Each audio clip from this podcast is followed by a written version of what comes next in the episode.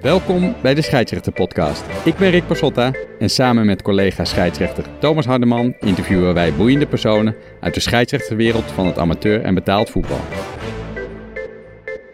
Vandaag nemen we deze podcast op vanuit Den Bosch en uh, Marco zit in Maarsen. Thomas uh, ontbreekt vandaag. Uh, dus we zullen het met z'n tweeën moeten doen, uh, Marco. Maar dat komt vast goed.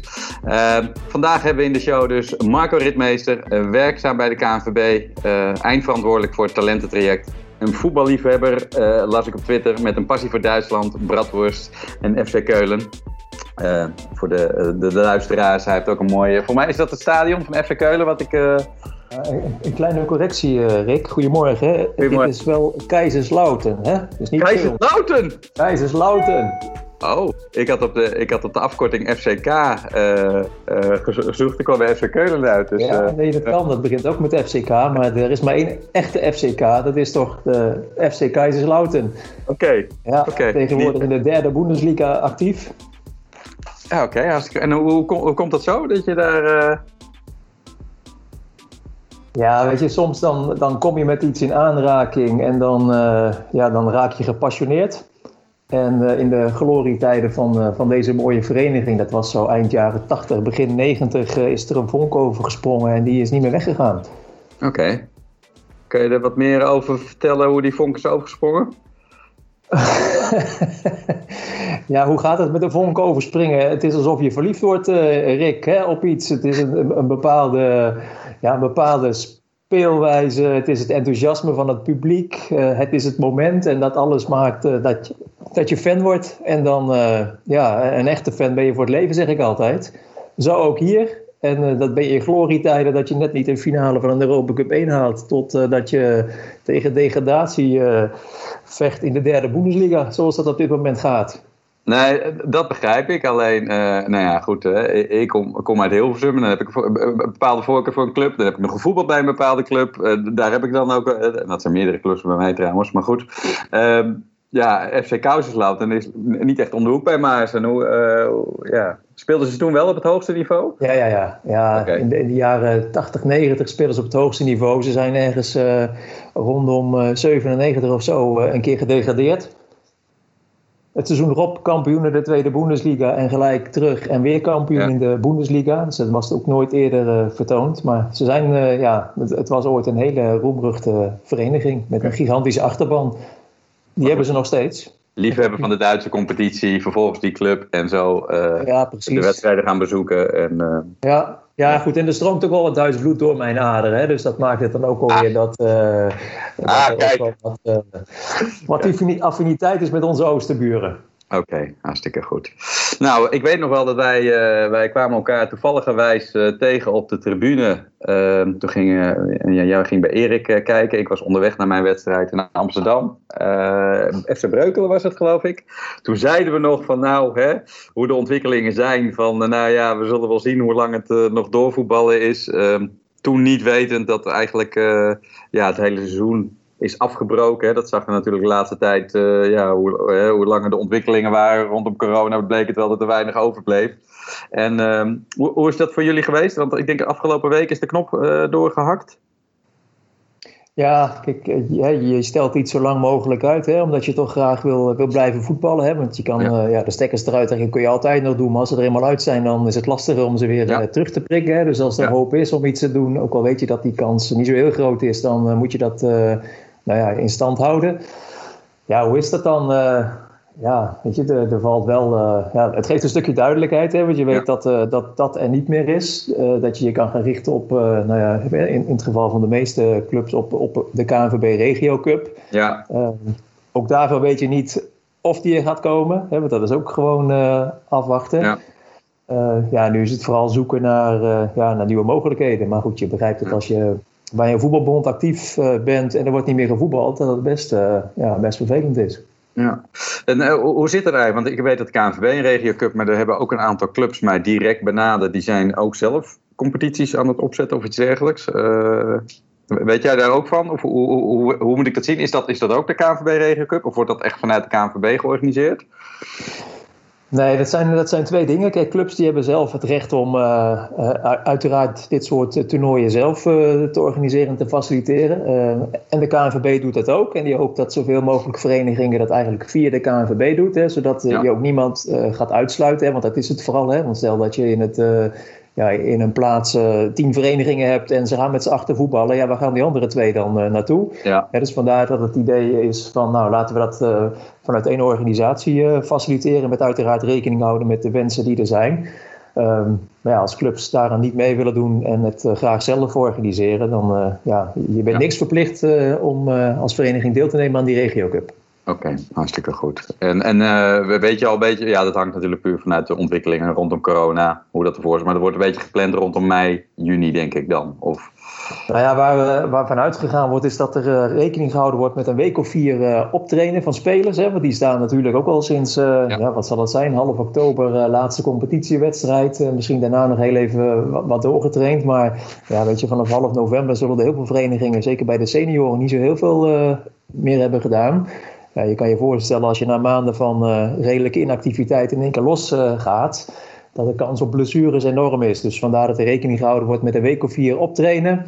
Ja. Uh, en dan starten. Dus eigenlijk vanaf het moment dat dat er is, kun je ja. er vier weken bij optellen. En dan, nou ja, dan weet je hoe lang je ongeveer nog kan voetballen. Want eigenlijk eind, eind juni zullen de stekkers er weer uitgaan. En ja, gaan we vakantie vieren.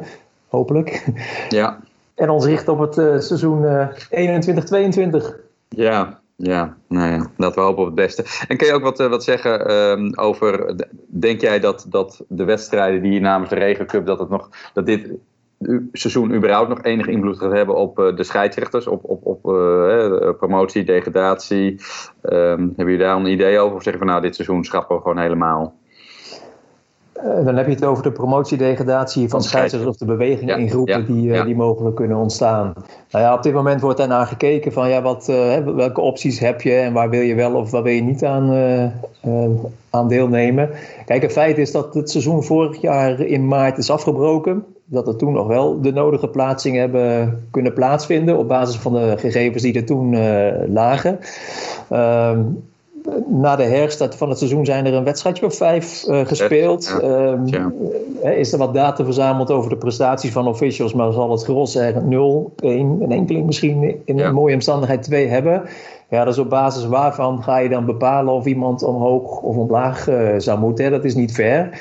Uh, en bovendien, kijk, de, met, met de verschuivingen van vorig seizoen naar dit seizoen toe, zullen er best wat officials zijn die een stap hebben gezet. Uh, maar nog amper actief zijn geweest. Ja, en hoe ga je dan daarmee om? Hè? Ga je die dan weer omhoog duwen en op basis ja. waarvan? Hè? Ik, ja. ja. Dus dat, dat is best lastig.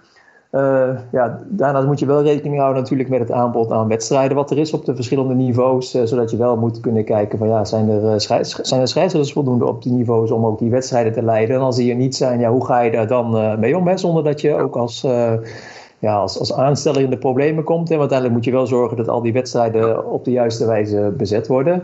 Ja, ik denk niet dat je onder een hunebed uh, gelegen hebt als je uh, verwacht dat er heel veel beweging zal zijn. Nee. Nee, aan de ene kant niet. Aan de andere kant is het natuurlijk ook zo dat uh, we zien bij de amateurteams zijn er wel geluiden dat met name niet de eerste teams, maar dat er best wel veel angst is dat er mensen ook gaan stoppen. Hè? Die bijvoorbeeld op zondag, uh, ja, in één keer uh, dat, de, dat de vrouw het wel fijn vindt dat, uh, dat hij iedere zondag thuis is. En dat er andere activiteiten zijn ontplooid. zien jullie die trend ook bij scheidsrechters? Dat, of is dat nog niet bekend? Of, um...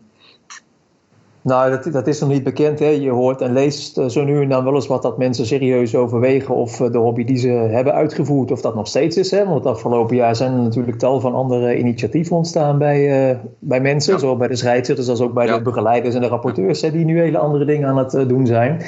Ja, wat het effect daarvan is, uh, hè, er zullen ongetwijfeld wat mensen zijn die ja. nu een laatste duwtje hebben gekregen van nou, ik vind het eigenlijk ook wel mooi ja. uh, geweest. En ik stop ermee en ik ga verder met mijn, uh, met mijn oude hobby. Ja. Uh, ook misschien gezien de onzekerheid die er nog zal zijn. Ja, dat is, dat is echt afwachten. Kijk, er zal ongetwijfeld nog een uitvraag gedaan worden van ja jongens, het seizoen zit erop. hoe kijken we aan tegen het vervolg van het seizoen als er nog gevoetbald wordt? Slash, hoe zie je je carrière na de zomer als we hopelijk weer allemaal mogen? Ja. En op basis daarvan ja, kun je weer nieuwe keuzes maken. Maar ja, dat er ongetwijfeld uh, uh, collega's zullen afhaken, ja, ja, dat sluit ik niet uit. Ja, nou ja, dat is ook, uh, nee, even afwachten. Dus zoals alles dit jaar afwachten is. ja, precies. Um, ik las in je bio dat je nog steeds scheidsrechter bent. ik, nou ja, ik doe de aanstelling voor FC Utrecht. Ik begrijp dat ik jou ook gewoon weer op de wedstrijden kan zetten. Of, nou, kan zetten is wat, is wat ambitieus, denk ik. Dat is wel, vragen mag altijd. Ehm, ja, weet je, ik, ik fluit af en toe nog bij de voetbalclub van mijn, van mijn zoon. Ah. Uh, ja, als daar een scheidsrechter nodig is, dan doe ik daar wat wedstrijden. En ik heb toevallig, uh, nou ja, vlak voordat uh, de corona noopte om het seizoen af te breken, heb ik nog een wedstrijd gefloten voor de KNVB.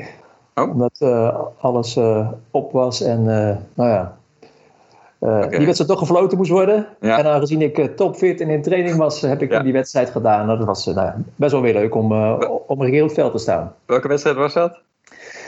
Welke wedstrijd was dat? Dat was de wedstrijd BFC tegen uh, Nieuwland. Oké, dus dat is eerste klasse, tweede klasse en Tweede klas. En hoe, hoe, was dat om weer eventjes eh, uit het niets... Uh... Daar ineens te verschijnen. nou, alsof je eigenlijk nooit was weg geweest, Rick. Ik bedoel, uh, ja, het was niet helemaal vreemd omdat ik natuurlijk wel bij de club wat heb gedaan. Ja, het niveau was, hè, was, was een stukje hoger dan de jeugd die ik daar nu doorgaans fluit. Maar nee, het verraste me eigenlijk positief hoe makkelijk eigenlijk ik, ik, ik mee kon met, het, met het niveau van, van de beide ploegen. Jij zegt doorgaans, maar je fluit niet bij BFC, maar bij Maarsen dan, zeg maar. Ik fluit bij Desto zo nu en dan. Desto, oké. Okay. Ja. Mooi, mooi complex. Club met een mooi complex. Um, Oké, okay. eventjes kijken. Nou, eigenlijk wil ik met jou, hè, wat we al bespreken, wat we al voor de podcast bespraken, uh, hebben een hele jonge doelgroep uh, uh, die naar onze podcast luistert. Ehm, en um, ja, ik denk dat het voor veel scheidsrechters wel um, interessant is om wat meer te weten over het talententraject. we weten, we kunnen allemaal op de website zien hoe je je SO3, SO2 kan halen. Er staat wat uitleg over. ik weet dat ik zelf, toen ik wilde fluiten, wilde ik graag weten hoe snel ik in de... Nou, ik wist eigenlijk al dat de eredivisie niet meer haalbaar was, maar A, wilde ik weten op welke hogere platform ik mijn leeftijd kan komen en hoe, de KNVB ermee omgaat. Dus zou je misschien um, kunnen vertellen, um, een jonge scheidsrechter die, uh, die 15, 16, 17 is, die, wil, uh, ja, die heeft als ultieme droom om misschien wel de Champions League finale te, te, te, te, te fluiten. Maar goed, daarvoor, uh, er zit natuurlijk een heel traject daarvoor.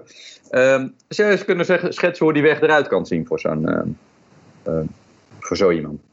Mooi. Ja, nou ja, kijk, het, belangrijkste eh, wat je moet doen is natuurlijk, uh, de, nadat je de opleiding hebt gevolgd en je staat als KNVB-scheidsrechter, is vooral uh, uh, fluituren maken.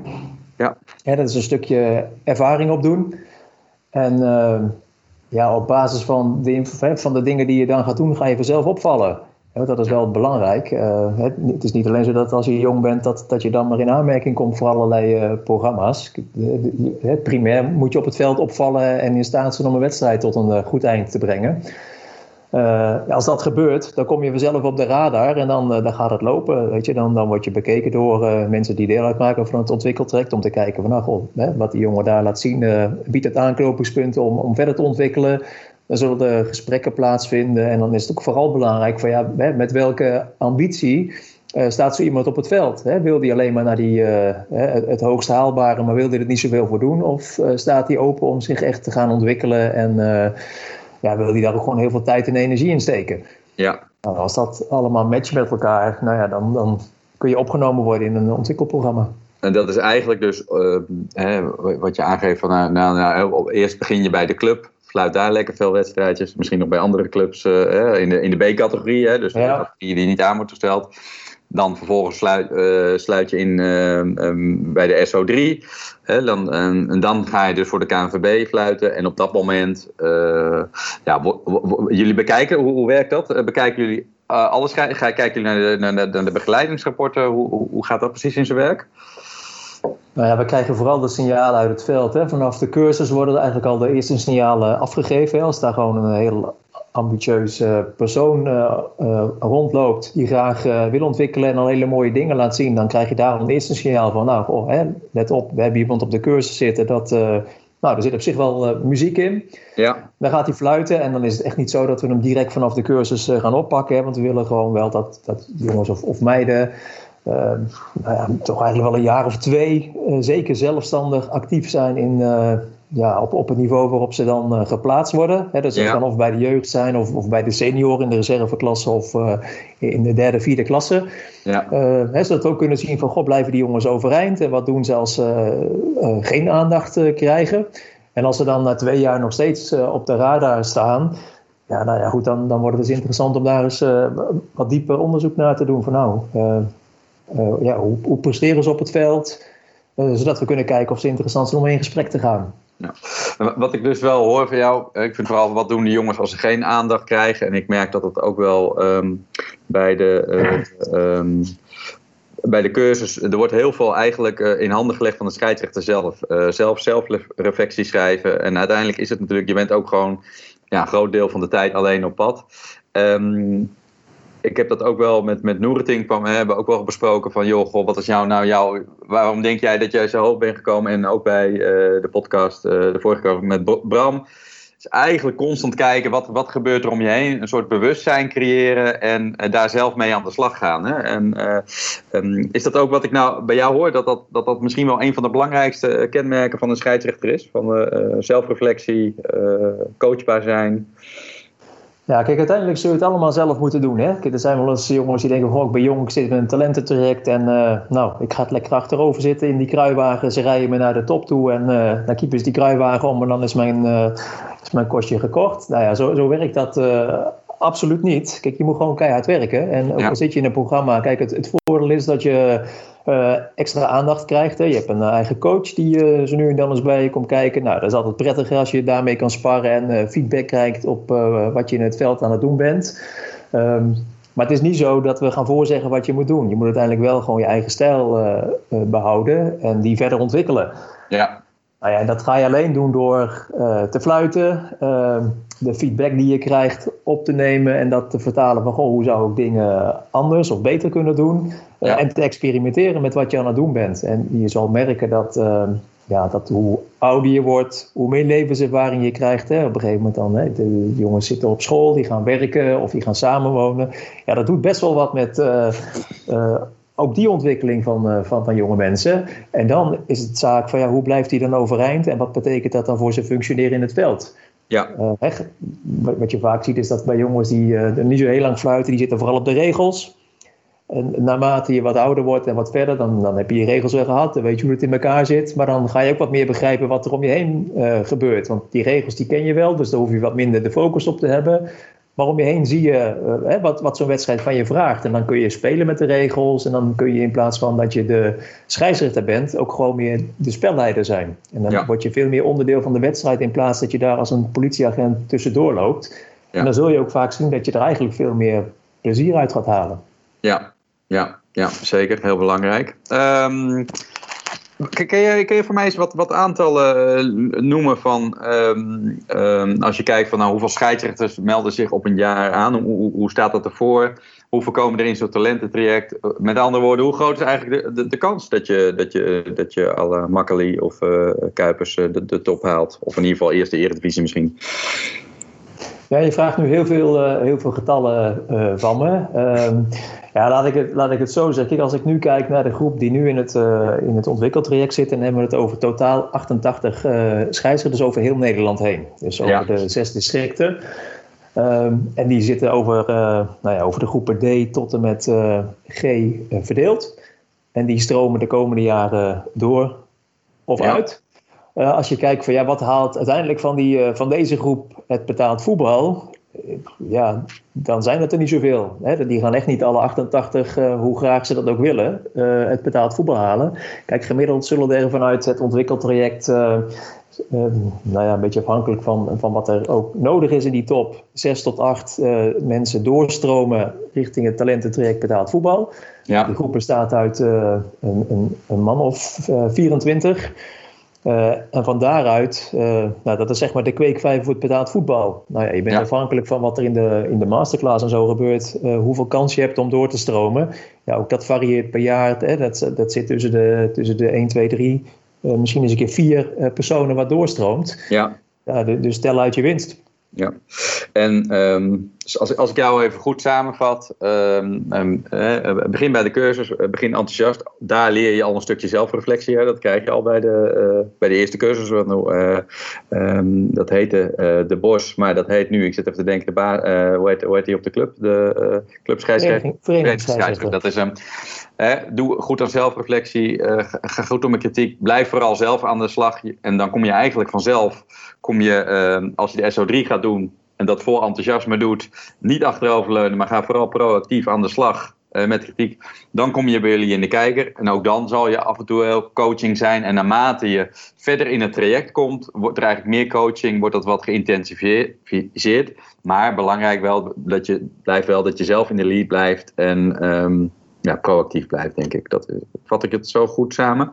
Ja, dan, dan zit je een heel eind op de lijn uh, zoals, die, uh, ja, zoals die bedoeld is. Kijk, uh, uiteindelijk moet je het allemaal zelf doen en er zelf uithalen wat erin zit. Hè? Kijk, naar een bijeenkomst gaan en lekker gaan zitten op je stoel achteroverleunen. Ja, dat, dat kun je gaan doen, alleen dan kun je beter niet in het programma gaan zitten. Weet je? We verwachten wel als je er komt dat je ook actief meedoet en niet alleen komt halen, maar ook komt brengen. En ja. nou ja, vanuit die situatie verder gaat ontwikkelen. Ja. en wat, wat je ook belangrijk vindt, een, een eigen stijl. Hè? Vorige keer had ik met Jesse en uh, Thomas had ik daar een beetje een discussie over. Uh, um, ja, ik ben altijd praktisch en ik denk, ja, uh, ik, ik kijk toch een beetje in mijn achterhoofd met, met mijn stijl die ik ontwikkeld. Hoe kijkt een rapporteur naar mij? En um, um, toen zei Jesse, ik, ik, vertelde een bepaald verhaal, dus dat ik op de achterlijn stond. Hij zei, ja, wat doe je op de achterlijn? En ik zei, ja,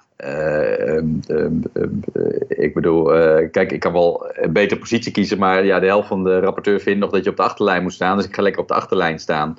Ja, zij terecht tegen mij van ja, weet je, er zijn zoveel afwegingen die je kan maken om, om, bij een corner. Hè, wordt, die, wordt die bal afdraaiend genomen? Is een counterploeg? waar je kan gaan staan.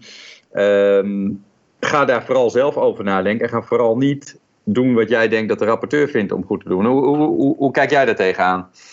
Nou ja, eigenlijk op, uh, op dezelfde manier. Um, kijk, het voorbeeld van de achterlijn wat je noemt, dat is echt iets, uh, dat is echt old school. Hè? Dat, bedoel, dat, dat is jarenlang gedoseerd als zijnde van op het moment dat je niet met neutrale uh, assistentenwerk staat, de scheidsrechter op de achterlijn en staat de ja. clubassistent uh, ja. teruggetrokken op die, uh, op ja. die rand 16. ja, de, de vraag is inderdaad, ja, waarom ga ik in godsnaam op die achterlijn staan? En wat kan ik er allemaal zien? Kijk, als jij vindt dat je daar moet staan omdat je dan dingen beter kan zien, moet je dat vooral doen. Ja. Maar beweeg vooral eens eventjes ja, door het stadsgebied heen en ga eens kijken waar je nodig bent, waar je, waar je aandacht op benodigd is. Kijk, een mooi voorbeeld is ook, als er een vrije trap is rond de 16 meter, dan ga je als scheidsrechter ook niet op de achterlijn staan. Nee.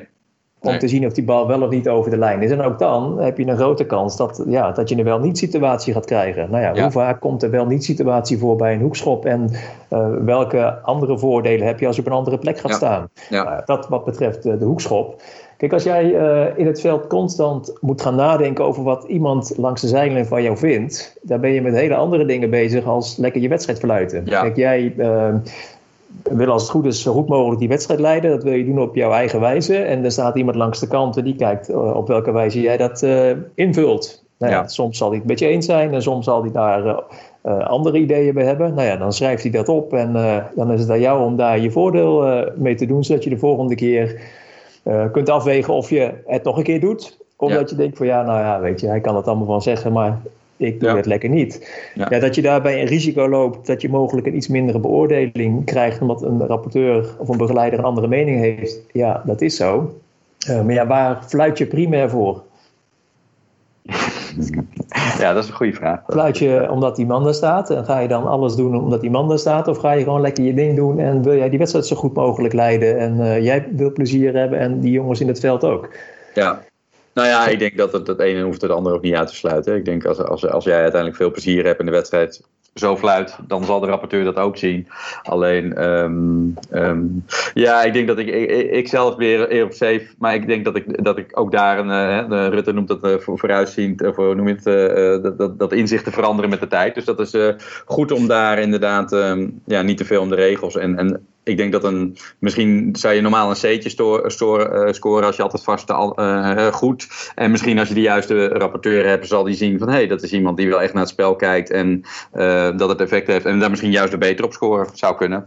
Ja, en zou je de afstrik door krijgen omdat je op een andere plek gaat staan? Of, ik bedoel, als die niet gewoon fout is, die, die C-score heb je in principe altijd. En je kan hem ja. opplussen als je hele goede dingen doet. Nou ja, als je in de ogen van die rapporteur geen goede dingen doet, ja, dan zal hij daar niet direct aftrek voor geven, mag ik hopen. Nee. Nee. maar zo zijn er tal van voorbeelden te bedenken. Heeft het zin om bij een 10-0 stand een verdediger die gefrustreerd is in de, in de 90ste minuut een gele kaart te geven als hij die bal wegschiet?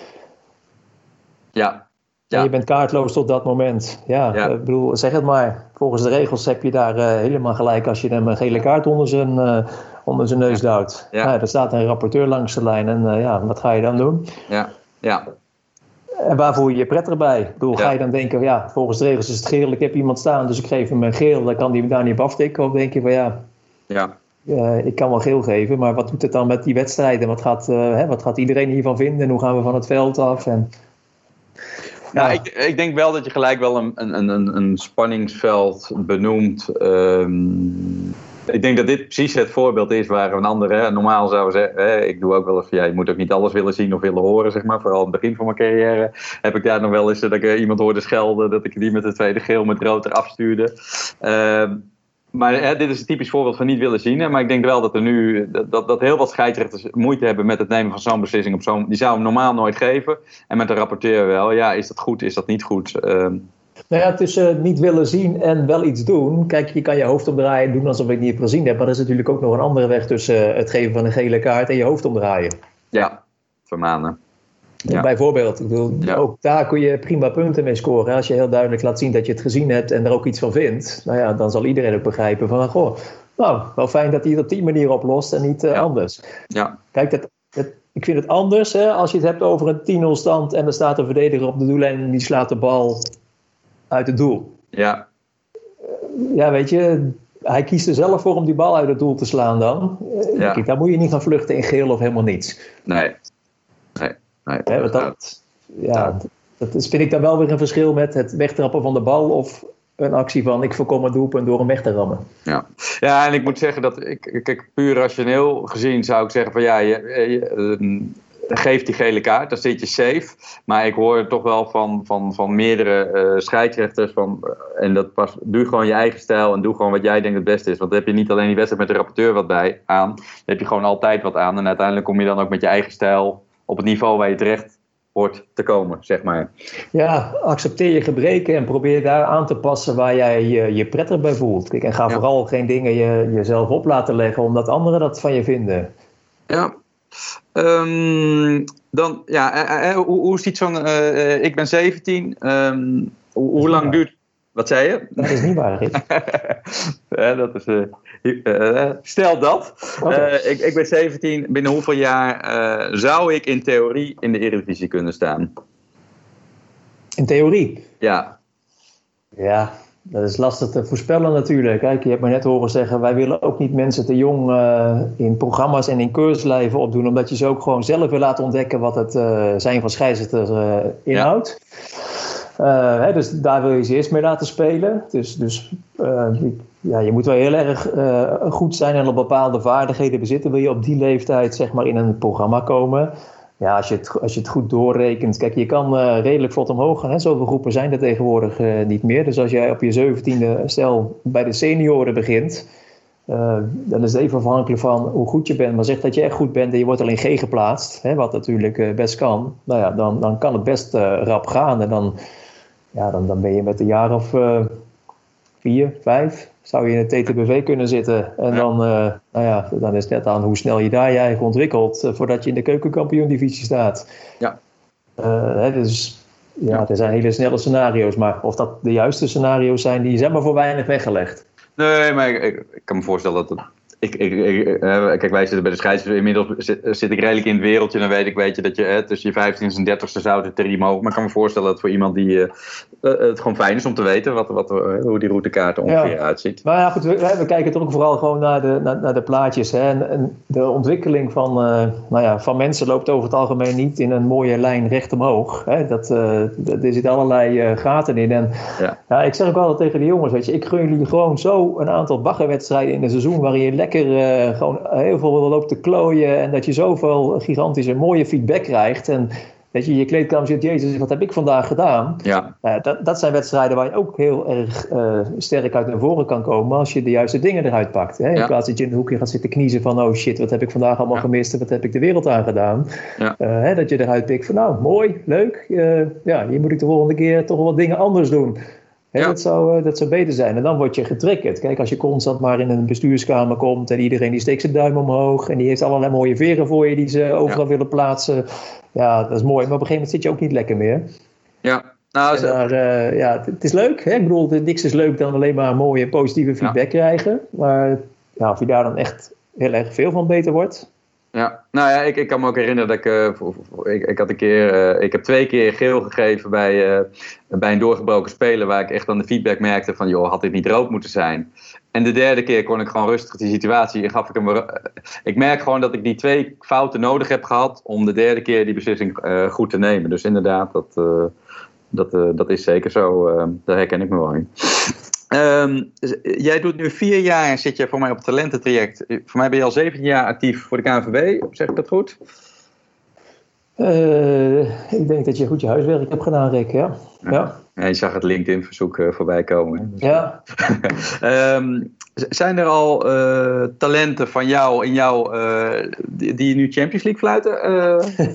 nee, zo snel gaat dat. nee, nee zo snel gaat dat niet. Nee. nee. nee. Oké, nou ja jammer. nee, ik kan er niet zeggen van, goh, die, eh, die komen eruit. Kijk, ik, we kunnen wel langer terugkijken en zeggen van, goh, toen we ooit uh, met z'n allen in, uh, in het district zaten, in, in mijn geval in West 1, hebben deze jongens in het programma gezeten. Maar ja, nee, goed. Eh, weet je, dat, die eer die, eh, die is aan de jongens zelf. Die hebben het gehaald en eh, wij hebben daar een bijdrage met z'n allen aan geleverd. Dus daar wil ik vooral uh, van afblijven. Oké. Ehm, ik heb twee ingezonden vragen. Of tenminste, eigenlijk eentje is van de eerste podcast met uh. En, ehm, maar goed, je, je, hebt er al een beetje antwoord op gegeven, maar ik ga toch wel specifieke uh, zeggen van, is het zo dat iedere 18-jarige die een beetje representatief is in aanmerking komt voor het talententraject? Dat heb je al beetje antwoord op gegeven. Maar... Uh, ja, in aanmerking komt uh, ja, maar dat wil niet valt zeggen... nu weg, uh, Marco. Wat zei je? Ik hoor je nu niet meer. Oh. Ja, nu ben je weer aan. Nu weer wel? Ja, ja. Okay. ja. Nee, maar goed, wat ik zeg, kijk, in, in, principe komt hij daarvoor in aanmerking. Alleen dat wil niet zeggen dat omdat hij 18 is, dat hij dan ook maar in het programma komt. Ja. Ik, hebben elk jaar hebben we de nodige kandidaten. daar hebben we, hè, dat ze een aantal keren bekeken zijn in reguliere seizoenen, een, een intakegesprek mee. En als alles matcht, dan uh, worden ze opgenomen. Maar uh, ja, er vallen er ook altijd tijdens gesprekken nog voldoende af. Die nog even een jaartje of langer moeten rijpen en eens wat andere dingen moeten gaan doen. Oké, hartstikke goed.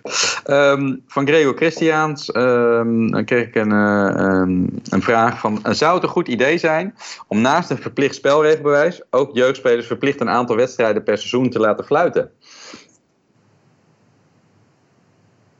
Of dat een goed idee is. Ja, wat zal ik daarvoor zeggen? Kijk, uh, je doet uh, ervaring op als scheidsrechter. Je, je beleeft het vanuit de andere kant. Hè, wat het, wat er met, met je doet als je moet beslissen en welke reacties erop zijn. Aan de andere kant is het ook zo dat niet iedereen geschikt is om scheidsrechter te zijn. Hè, er nee. lopen genoeg mensen rond in een scheidsrechterstenu of met een fluit. Uh, die, die wedstrijden fluiten of moeten fluiten. Ja, waarvan je eigenlijk denkt van had het maar nooit gedaan, want jij verkloot meer als dat je goed doet.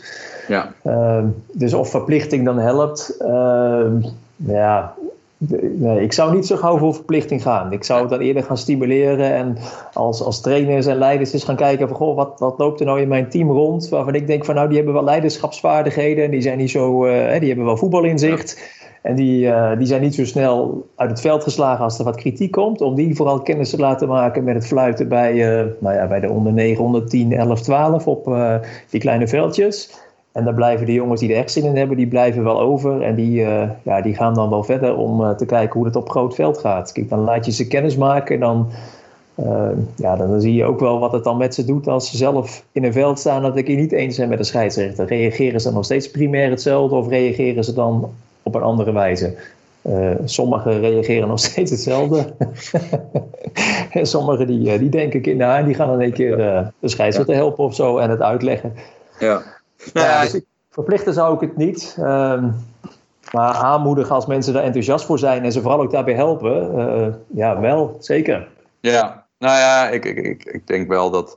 Uh, ik ben zelf ook scheidsrechtscoördinator geweest van een, eh, een, amateurclub uh, van Olympia, het Hilversum. En het is wel moeilijk. Het is misschien ook wel met het spelregelbewijs. Hè, dat hebben jullie natuurlijk ook ingevoerd. Je kan natuurlijk ook stimuleren mensen de regels te doen. Maar het is ook ja, een bepaalde verplichting Um, ja, uh, helpt toch hè, dat mensen zich er eventjes in moeten verdiepen. Of uh, iemand, in, uh, iemand anders voor het laten doen. Maar goed, dat, dat laat ik even in het midden.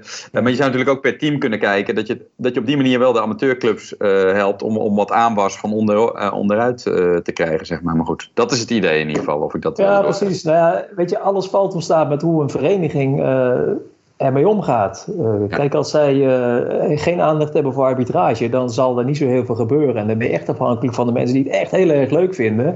Maar ja. als trainers en begeleiders en bestuur enthousiast zijn over arbitrage en dat ook uitdragen en het stimuleren en zorgen voor, uh, voor begeleiding en, en leuke positieve prikkels en positieve aandacht. Nou, dan weet ik zeker dat je best wat jeugd actief kan krijgen om te fluiten. Ja. Ja, en als je dat dan gewoon goed begeleidt en je zorgt dat er geen, uh, weet je, dat mensen zich langs zo'n lijn ook normaal gedragen. Ja, hè? veilige omgeving. Ja, ja, zeker. Ik, heb, ja. ik heb, toen we nog mochten voetballen aan het begin van het seizoen, heb ik ook twee jongens bij, uh, bij de voetbalclub begeleid. Ja, als je dan ziet op een gegeven moment hoe sommigen tekeer Ouders. kunnen gaan tegen een jongetje die. Ouders voor de, vooral. Ja, nou ja, of een trainer, hè, voor een jongetje die voor een derde keer een wedstrijd fluit bij een, wat was het, een onder 10 ja, even serieus zeg maar. Het gaat helemaal nergens over, weet je. Het is, Nee. ook niet, het is gewoon een 110 5 of zo. Uh, en dan zo uit je plaat gaat tegen een, nou ja, tegen een kind van 14, wat uh, nou ja, daar zijn plezier, uh, voor zijn plezier een wedstrijdje staat te fluiten en helemaal gekke dingen doet. Maar ja, ja. Nee, dat, dat, is gewoon heel triest, weet je. Daar, ja, daar kun je mensen, zeker als je, of jonge mensen, het enthousiasme mee ontnemen als je daar geen goede aandacht voor hebt. Zowel voor de scheidsrechter zelf als voor die, uh, die mafklappers die langs de lijn uh, zich zo misdragen.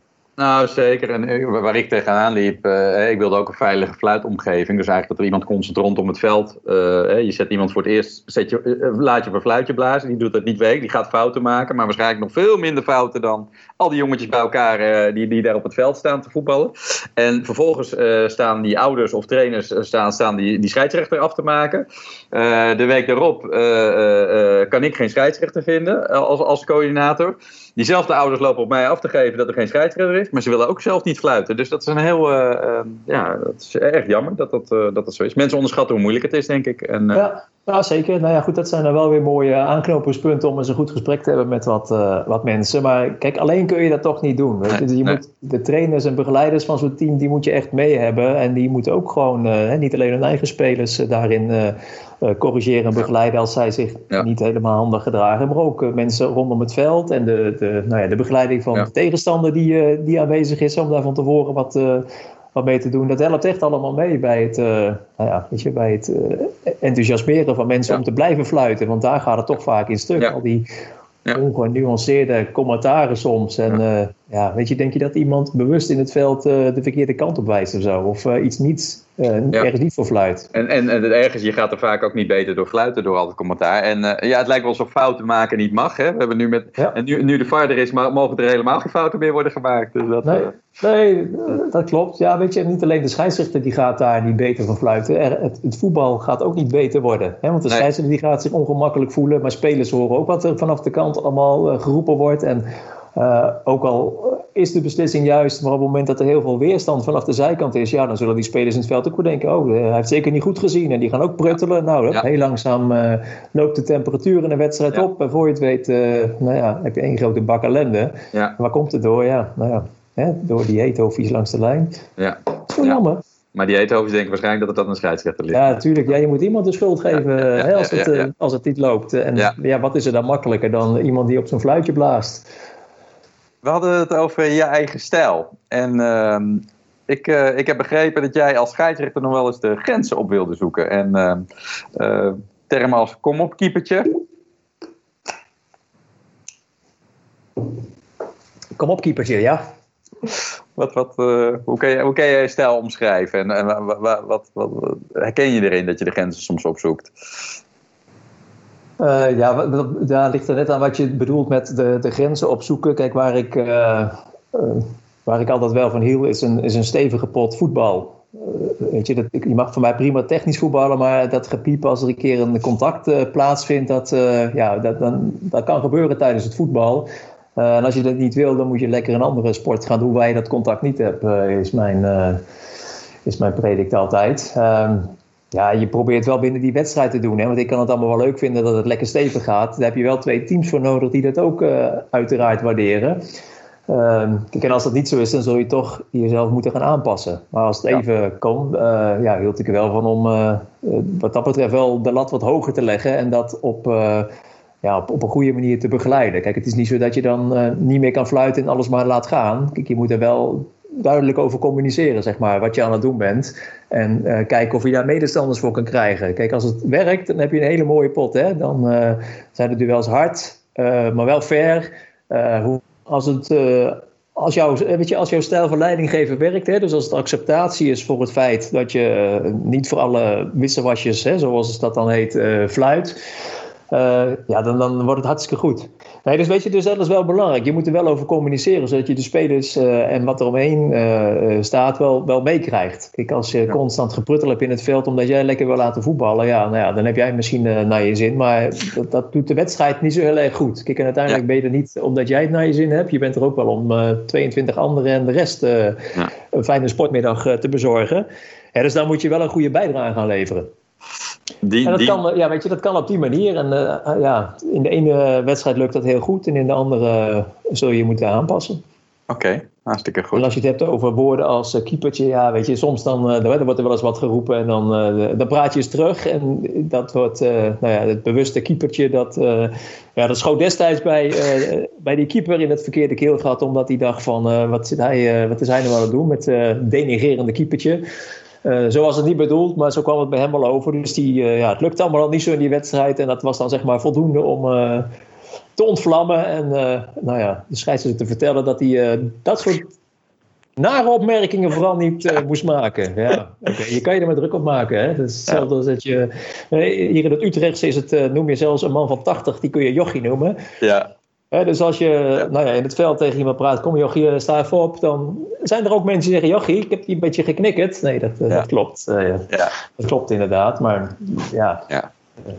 Zo, uh, ja, daar moet je dan bewust van zijn, dat je sommige woorden niet altijd overal, uh, overal kan zeggen. Ja, en het is natuurlijk ook wel lastig, want als scheidsrechter 22 man roepen wat tegen jou. En als jij als scheidsrechter uh, tegen één man, dan kun jij net de verkeerde of een andere hebben die, die, uh, die toevallig heel net opvoeding heeft genoten. En uh, ja, de verkeerde ding. Maar hoe los je dat, wat ik zelf doe met, zo'n speler, als dat dan, ik heb ook wel eens een verkeerde opmerking van, dat ik zei, ja, weet je, als je betere scheidsrechter moet je, moet je zorgen dat je wat hoger voetbalde. Die ging daar helemaal over uit de plaat. Ja, kijk, ja. uiteindelijk, uiteindelijk ja, ik, ik, ben, ja, ik zeg ook, ik ben gewoon niet zo goed weet je wel. Ja, sorry. En, uh, en uh, dan ging hij over uit zijn plaat en dan ben ik altijd wel in de rust. Of uh, ja, eventjes praatje met hem maken. Joh, dit, dat, je hebt er uiteindelijk niets aan als zo'n gozer, toch?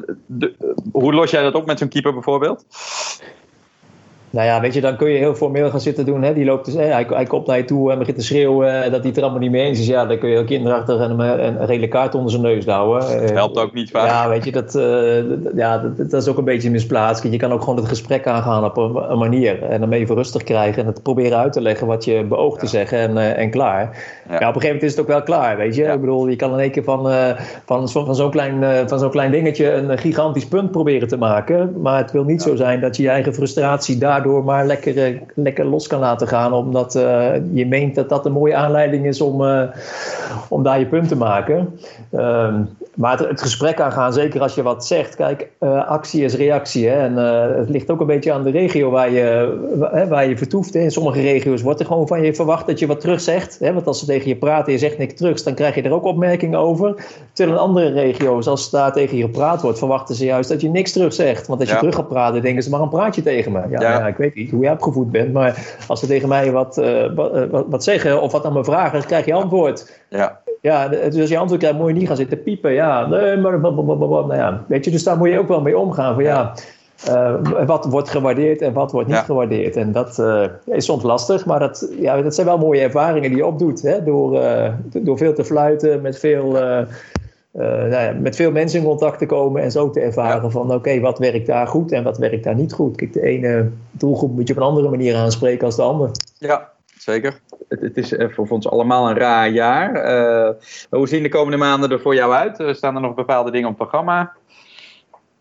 Nou ja, wat we eigenlijk tot nu toe hebben gedaan is, die competitie is half oktober gestopt. Wij zijn wel gewoon doorgegaan met, met bijeenkomsten. alleen dan in online op online manier. Uh, hè, dus we hebben wel gewoon constant mensen voor het scherm, waarin we de thema's uh, nou ja, die we dan kunnen bespreken uh, doen. Nou ja, de eerste helft van het jaar lukte het nog wel, omdat er toen wel wat, wat wedstrijden gespeeld waren. Hè. Dus tot en met ja. december kon je, wat je tot oktober had gedaan, dat kon je in ieder geval terug laten komen. Ja, daarna hebben we eigenlijk een beetje een uitvraag gedaan van oké, okay, waar willen we het met elkaar over hebben? hoe groot is de kans dat we nog gaan voetballen? Hè? Want je wil wel zorgen dat als het zover is, dat je in ieder geval er klaar voor bent. Hè? Dus op fysiek vlak hebben we de mensen in ieder geval uh, voorzien van uh, voldoende trainingsschema's. Ze zijn vooral ook gestimuleerd om uh, dat te blijven doen. op spelrichtvlak hebben we dat gedaan. En we hebben de afgelopen twee maanden ja, met name op, op spelregelvlak vanuit de theorie de spelregels benaderd. En ook daar de toepassing met de praktijk gezocht. Ja. Um, nou ja, en dan is dan vorige week dat bericht gekomen van nou, de stekkers gaan eruit. Dus ehm, ja, kijk, we hebben nu in het programma bijvoorbeeld het thema diversiteit en omgaan met verschillen op de rol staan. Dus dat is even iets anders dan gewoon even regeltoepassing, maar ook van, ja, hè, je moet de regels toepassen in een omgeving die heel erg divers is en verschillend. En wat, uh, ja, welke invloed heeft het op de manier waarop jij een wedstrijd uh, leidt en wat, welke rol kun je daarin spelen om dat goed te laten verlopen? Ja, we hebben in, in april weer een, eh, wat online uh, staan. En ja, dan hopen we eigenlijk zicht te hebben op wat er in de Regio Cup uh, nog het een en ander gaat gebeuren. Hè? Want hoe mooi zou het zijn voor iedere, nou ja, voor iedere sportman als je het seizoen in ieder geval actief kan afsluiten. Ja. Ja, het is gewoon, uh, ja, gewoon heel verschrikkelijk naar als we helemaal niet meer in actie zouden komen. En alleen maar elkaar nou ja, uh, zoals wij nu ook zitten, hè, dat je tegen zo'n eh, scherm aan zit uh, te kletsen. Ja. Zonder dat je ook daadwerkelijk nou ja, met elkaar echt in contact bent en actief op het veld kan zijn. Want hè, waar we in het begin ook al over hadden. Uiteindelijk leer je fluiten niet door naar allerlei filmpjes te kijken en je, je spelregeltjes te leren. Maar je leert dat gewoon door het te doen. En dat wat je aangereikt krijgt te gaan toepassen en te kijken, oké, wat werkt voor mij wel en wat werkt voor mij niet. Ja. En zo word je een betere scheidsrechter. En daar zijn we wel naar op zoek van, nou ja, hè, het zou fantastisch zijn als we in mei, juni nog wat kunnen doen. Dus dat we in ieder geval daar uh, nou ja, een mooie punt kunnen maken om het seizoen straks uh, hopelijk uh, volle bak te kunnen starten. Ja, nou mooi. Misschien trainingskamp in Israël. ja, ik weet niet of we zo ver weg uh, moeten gaan gelijk. Hè? Dat kun je ook prima hier in Nederland uh, doen. Ja, qua vaccinatie staat het er goed voor natuurlijk. Ja, nee, dat is waar. Maar ja, je moet er ook nog naartoe, hè? Ja, ja dat is waar. Uh, nou, ja, nou ja, Marco, hartstikke bedankt. Ik weet niet, is, is er nog iets wat jij wil bespreken? Of, ehm, of misschien wel een vraag voor mij, weet ik niet. Heel ik wil bespreken, ja, weet je, dan zijn we nog een uur uh, verder, Rick. Dus uh, dat we denk maar misschien een keer een andere, een andere podcast voor opnemen. Hè? En dit was het dan alweer. Leuk dat je hebt geluisterd naar de Scheidsrechterspodcast. Als je enthousiast bent over de podcast, zouden wij het enorm waarderen als je de podcast deelt op social media. Heb je vragen? Zou je bepaalde onderwerpen of gasten in onze podcast willen zien? Of wil je ons gewoon laten weten wat je van de show vindt? Stuur dan een mailtje naar de scheidsrechterpodcast.gmail.com. Bedankt voor het luisteren en tot de volgende aflevering.